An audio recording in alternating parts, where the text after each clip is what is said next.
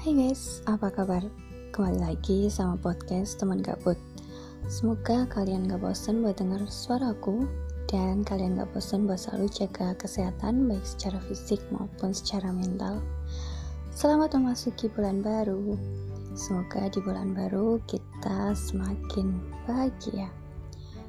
Oh ya, uh, di bulan ini aku mau mereview salah satu buku yang uh, pengen banget aku baca dari dulu tapi baru sempat aku baca karena uh, bulan Juli bulan Agustus aku tuh benar-benar sedang ada di uh, titik merasa insecure mungkin sedang mengalami sedikit quarter life crisis sehingga sedikit banyak uh, berpengaruh sama mood aku buat baca buku dan di bulan Agustus aku emang nggak baca buku sama sekali dan berniat untuk kayak mengosongkan pikiran aku buat ngadepin sisa-sisa bulan di tahun 2020 ini oke langsung aja buku yang aku mau ceritain ke kalian buku yang udah lama pengen aku baca yaitu berjudul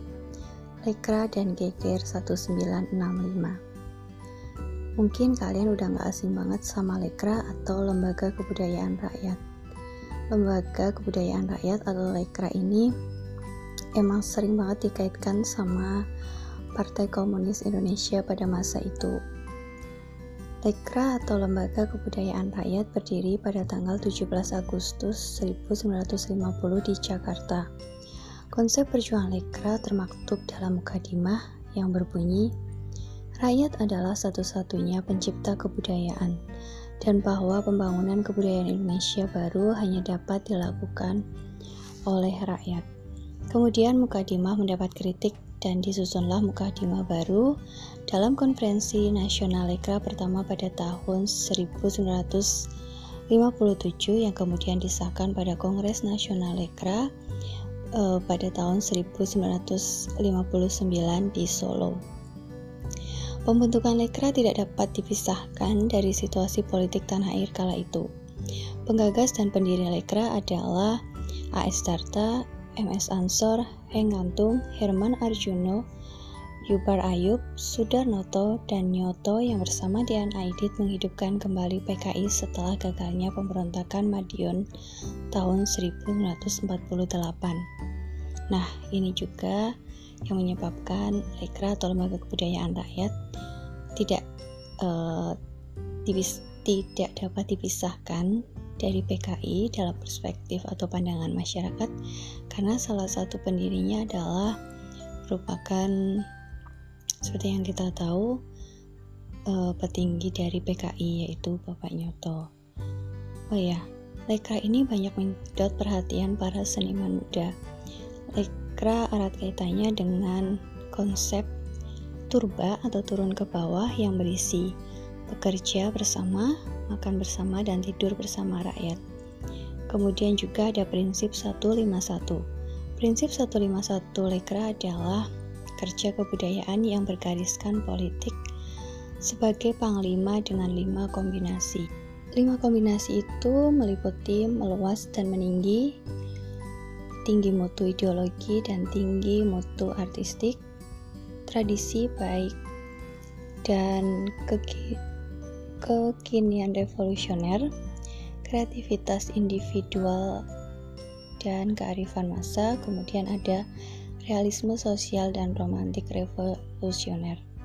Sejalan dengan dikeluarkannya konsep 51 151, Lekra merombak struktur organisasinya Beberapa bulan setelah Kongres Lekra, kemudian dibentuklah enam lembaga kreatif di bawah Lekra yaitu Lembaga Sastra Indonesia, Lembaga Seni Rupa Indonesia, Lembaga Musik Indonesia, Lembaga Seni Tari Indonesia, Lembaga Film Indonesia, dan Lembaga Seni Drama Indonesia.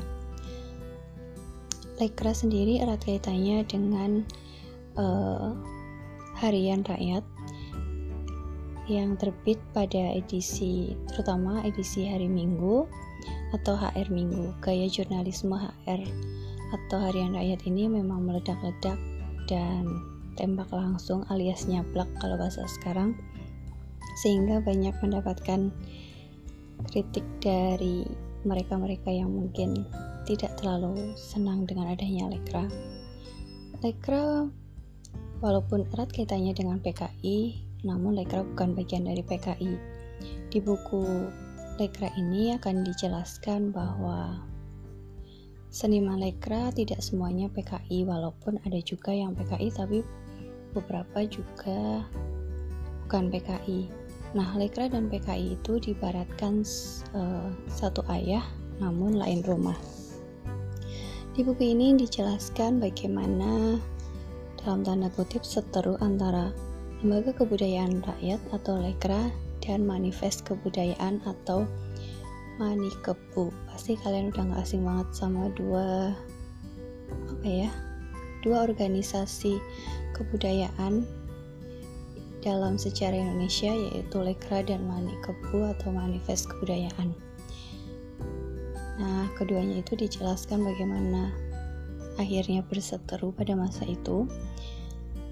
Kemudian bagaimana manifest kebudayaan sempat menjadi sasaran tembak pemerintahan Presiden Soekarno? Dan bagaimana kemudian nasib seniman manifest kebudayaan pada masa pemerintahan Soeharto serta bagaimana nasib Lekra setelah adanya gerakan 30 September atau G30S PKI. Nah, buku ini tuh merupakan terbitan Tempo.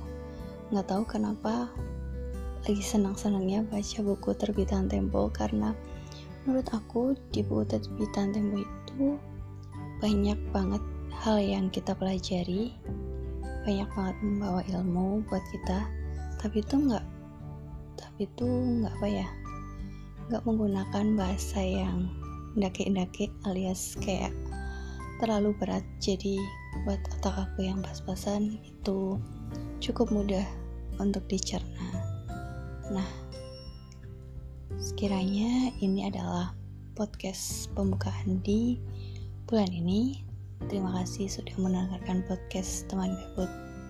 See you dan tetap jaga kesehatan.